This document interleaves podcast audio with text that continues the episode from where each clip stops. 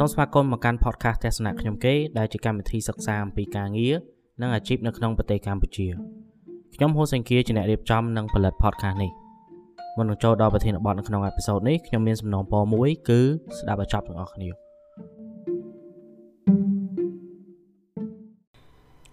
សួស្តីនៅក្នុងអេពីសូតនេះខ្ញុំលើកពីប្រធានបទគឺទម្លាប់ល្អ5យ៉ាងដែលអ្នកទាំងអស់គ្នាគួរតែមាននៅកន្លែងធ្វើការ មិនថាយើងជាបុគ្គលិកចាស់ឬបុគ្គលិកថ្មីទេទម្លាប់ទាំងអស់នេះនឹងជួយឲ្យការងារអ្នកទាំងអស់គ្នាមានភាពងាយស្រួលជាងមុនហើយកាត់បន្ថយ stress ហើយជាពិសេសគឺអាចជួយឲ្យអ្នកនរគ្នាមើលឃើញពីចំណុចវិជ្ជមានរបស់ការងារខ្លួនឯងអឺខ្ញុំសូមបញ្ជាក់ដែរថាទម្លាប់ទាំង5យ៉ាងនេះគឺជាការយកឃើញផ្ទាល់ខ្លួនទេហើយវាពឹងទៅលើបទពិសោធន៍ខ្លួនឯងមិនមែនជាការ research ឬចោះទៅសាកសួរធ្វើ survey នៅតាមក្រុមហ៊ុននេះទេអញ្ចឹងអ្នកទាំងអស់គ្នាអាចគិតថា អានេះជាគំនិតល្អហើយអាចយកទៅប្រើបានសាកល្បងប្រើអត់ចាំបាច់ជឿទេសាកល្បងប្រើសិនហើយនៅពេលដែលធ្វើទៅវាបានផលចាំយើងយកអាទម្លាប់ហ្នឹងទុកជាប់ខ្លួនបាទភាគច្រើនគឺបបពិសោធន៍ការងារយើងពឹងទៅលើអញ្ចឹងពឹងទៅលើអ្វីដែលយើងធ្លាប់ធ្វើបន្ទាប់មកយើងយកទៅចែកម្លែកបន្តអឺរឿងមួយដែលយើងត្រូវចាំអស់នេះតកតងជាមួយនឹងការចែកម្លែកបបពិសោធន៍ការងារគឺពេលខ្លះ អត់អាចប្រើជាមួយនឹងមនុស្សទាំងអស់បានទេវាពឹងទៅលើប្រភេទការងារប្រភេទតចរិតរបស់មនុស្សឬក៏កលៈទេសៈដែលឬក៏មជ្ឈដ្ឋានជុំវិញដែលយើងកំពុងតែធ្វើការហ្នឹងវាមិនមែនថាខ្ញុំនិយាយថាអូអាកន្លែងនេះល្អអ្នកនរគ្នាយកទៅប្រើដឹងតែល្អរហូតទេបើសិនជាក្រុមហ៊ុនខុសគ្នាក៏វាមិនប្រកាសថាបានផលដែរហើយបើសិនជាមានតកែមានថ្នាក់លើដែលមានចរិតខុសគ្នារឹតតែអត់បានផលបាទអញ្ចឹងពេលដែលយើងប្រើយើងត្រូវគិតមើលដែរយើងសាកនិយាយទៅគឺយើងសាក គេចែកម្លែកបបិសោតយើងយកបបិសោតគេទៅសាកបើសិនជាសាកបានយើងយកទុកប្រើដល់ខ្លួនឯងចឹងកុំឲ្យខាតពេលយូរខ្ញុំចូលមកបបពិសោធន៍ទី1គឺការប្រស្រ័យតាក់ទងគ្នាឲ្យច្បាស់លាស់នឹងតន់ពេលវេលាបាទមិនមិនត្រឹមតែច្បាស់ណាហើយច្បាស់ឲ្យតន់ពេលទៀតកុំចាំទុកដល់តែព័ត៌មានហ្នឹងវាហួសពេលហើយបានយើងយកទៅនិយាយយកទៅបោបាច់អីបន្តអាហ្នឹងគឺវាអត់បានផលទេ តើអាការប្រស័យតងច្បាស់លាស់ហ្នឹងគេប្រើប្រាស់របៀបម៉េចវាពឹងទាំងស្រុងទៅលើភាសាភាសាដែលយើងប្រើ ថាយើងជាមនុស្សដែលចូលចិត្តនិយាយចំចំឬក៏ចូលចិត្តជាមនុស្សដែលនិយាយទៅឲ្យគេគិតថាខ្លួនឯងឆ្លាតបាទអ្នកទាំងអស់គ្នាអាចខ្ញុំលើកជាឧទាហរណ៍មួយនៅក្នុងការសរសេរបែបលក្ខណៈ business ឬការងារហ្នឹងអ្នកខ្លះគាត់សរសេរចេញមកប្រើប្រាស់ពាក្យ technical ឬក៏ប្រើប្រាស់ពាក្យស្អីដែលអ្នកដទៃទៀតអត់ដឹងដើម្បីឲ្យគេមើលមកថា អូអាមួយនេះឆ្លាតហើយវាចេះច្រើនកន្លែងអញ្ចឹងប៉ុន្តែតាមពិតអាការសរសេររបៀបហ្នឹងបានន័យថាគាត់អត់ចេះធ្វើបផ្សាយតាក់ទងជាមួយនឹងបុគ្គលិកផ្សេងទៀតទេគាត់សរសេរដើម្បីឲ្យគេសរសើរគាត់អានេះមិនមែនជាគោលបំណងនៃការដែលយើងសរសេរទេនៅក្នុងការងារយើងសរសេរដើម្បីឲ្យអ្នកដទៃទៀតយល់ពីអ្វីដែលយើងមានពីអត្តន័យរបស់យើងបាទអត្តន័យដែលយើងចង់បង្ហាញហ្នឹងអញ្ចឹងបើសិនជាសរសេរហើយគេអានទៅអត់យល់ផងឬក៏គេអានទៅវែងពេកវាធ្វើឲ្យបាត់អត្តន័យ អាហ្នឹងយើងអត់ចេះការប្រស័យតាក់តងទេនេះគ្រាន់តែជាឧទាហរណ៍មួយទេការប្រស័យតាក់តងវាមិនមែនពឹងទាំងស្រុងទៅលើការសរសេរទេ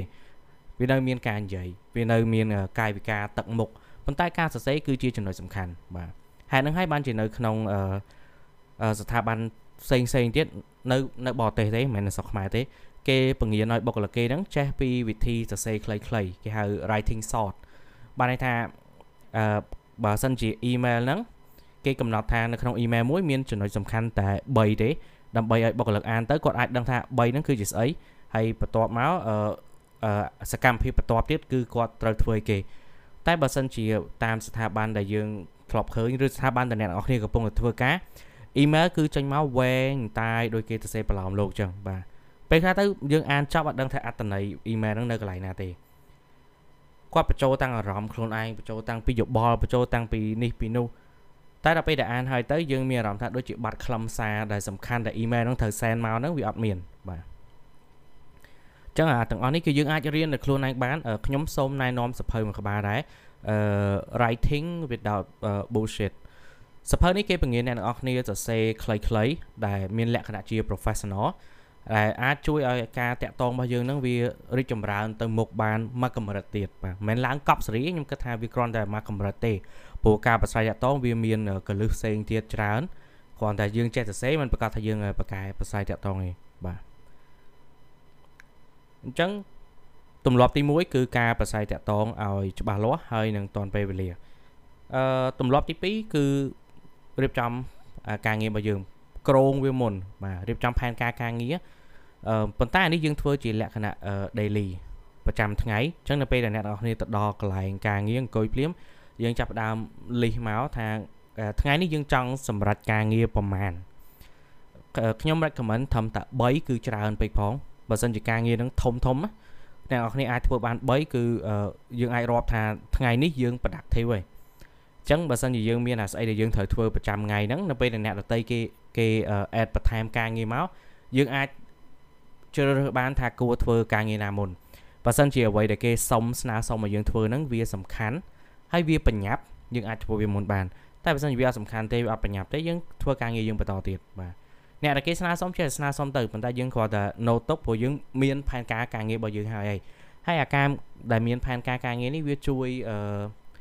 កាត់បន្ថយការពជាពេលរបស់យើងបើសិនជាយើងអត់ដឹងថាថ្ងៃនេះត្រូវធ្វើអីទេទៅដល់គឺយើងអង្គុយលេងយើងអង្គុយរនឹកគួរធ្វើអីទេពេលខ្លះទៅបើកមើលចម្រៀងស្ដាប់ចម្រៀងអីចឹងទៅវាធ្វើឲ្យខាតពេលវេលារបស់យើង ហើយនៅពេលដែលការងារយើងនឹកឃើញថាដល់ម៉ោងធ្វើការយើងទៅជាធ្វើការថែមម៉ោងវិញបាទមិនមែនយើងជាបុគ្គលិកអាសាធ្វើការថែមម៉ោងណាយើងបុគ្គលិកអត់ដឹងធ្វើអីបាទយើងអត់ចេះបែងចែកពេលវេលាបានជាយើងធ្វើការថែមម៉ោង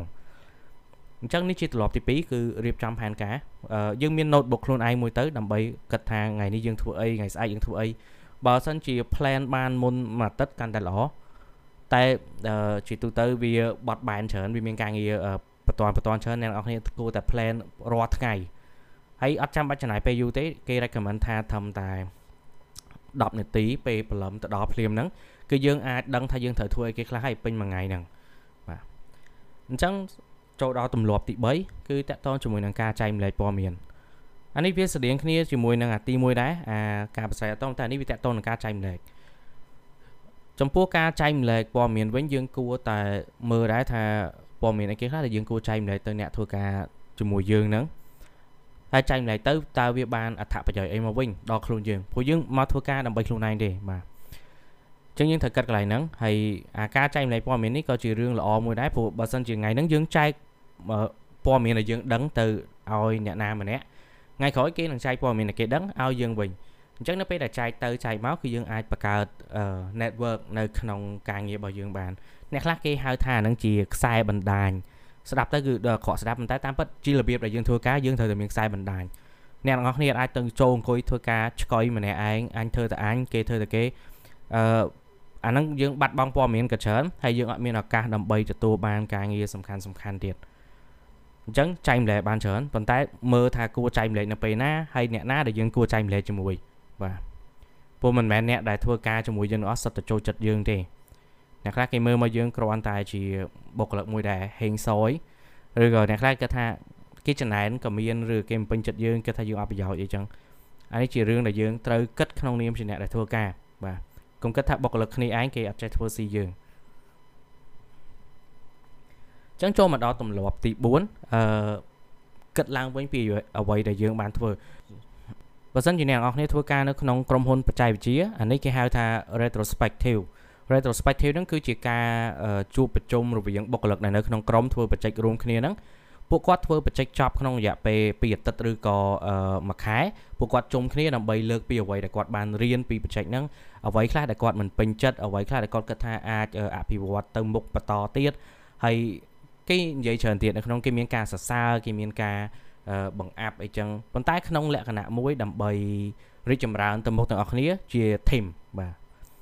អញ្ចឹងសម្រាប់ខ្លួនយើងវិញក៏យើងអាចធ្វើអញ្ចឹងបានដែរអានេះខ្ញុំរៀនពី manager ខ្ញុំដែលគាត់អឺប្រាប់ខ្ញុំការពីដំបូងគាត់ថាបើសិនជាពេលដែលខ្ញុំធ្វើការអីមួយចប់អញ្ចឹង design ចប់អញ្ចឹងខ្ញុំគួរតែទុកពេលប្រហែលម៉ោងដើម្បី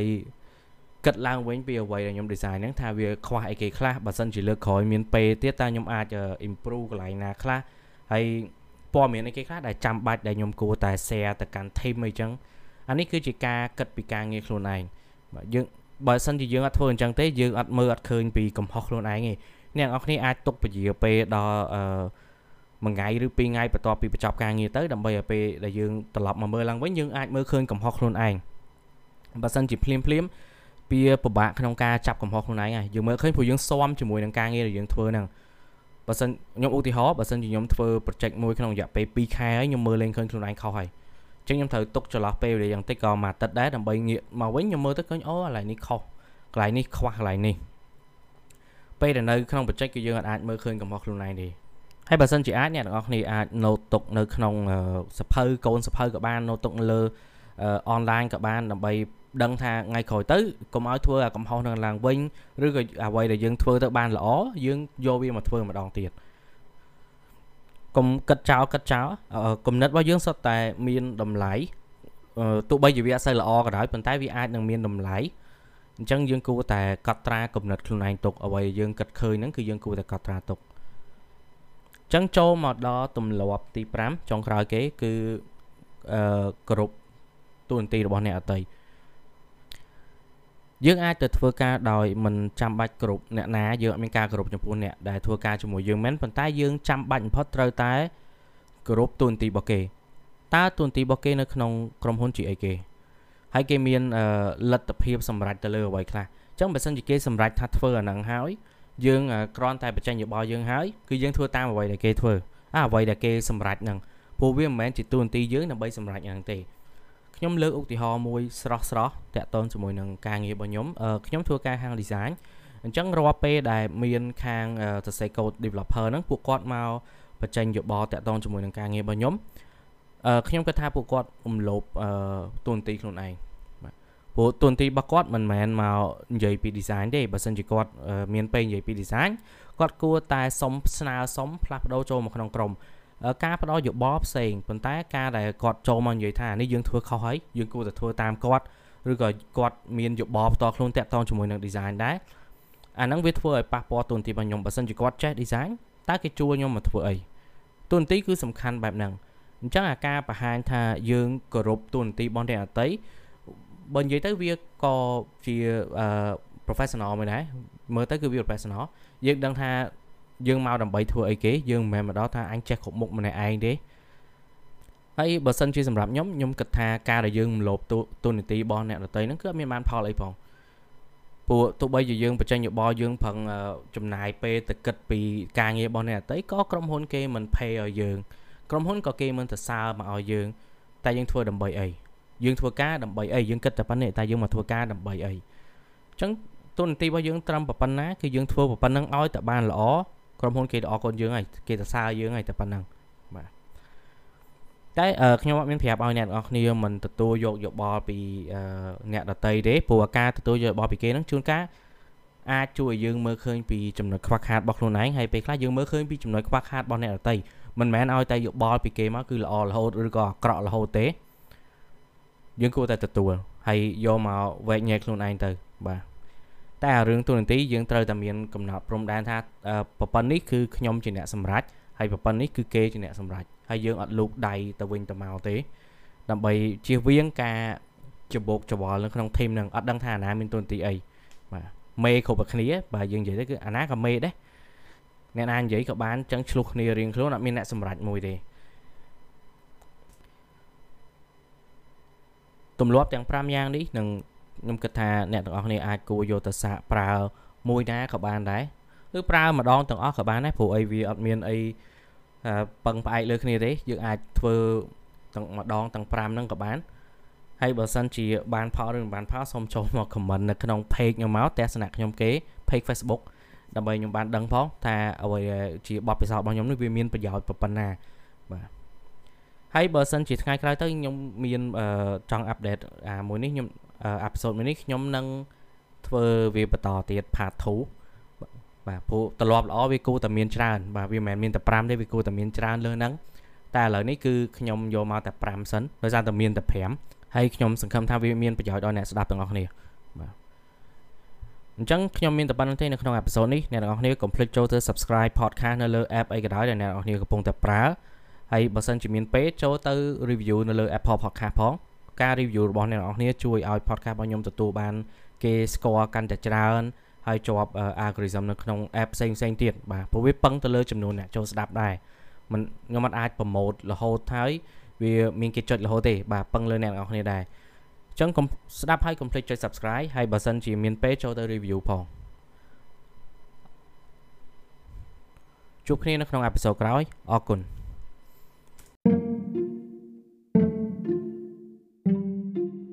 សូមអរគុណសម្រាប់ការចំណាយពេលរបស់អ្នកទាំងអស់គ្នាជាមួយនឹងអេពីសូតនេះកុំភ្លេចចុច Subscribe ឬក៏ Follow podcast នេះដើម្បីទទួលបានអេពីសូតថ្មីៗទៀតសម្រាប់ព័ត៌មានបន្ថែមសូមចូលទៅទំព័រ Facebook ទស្សនៈខ្ញុំគេដែលសរសេរជាភាសាខ្មែរជួបគ្នានៅអេពីសូតក្រោយអរគុណ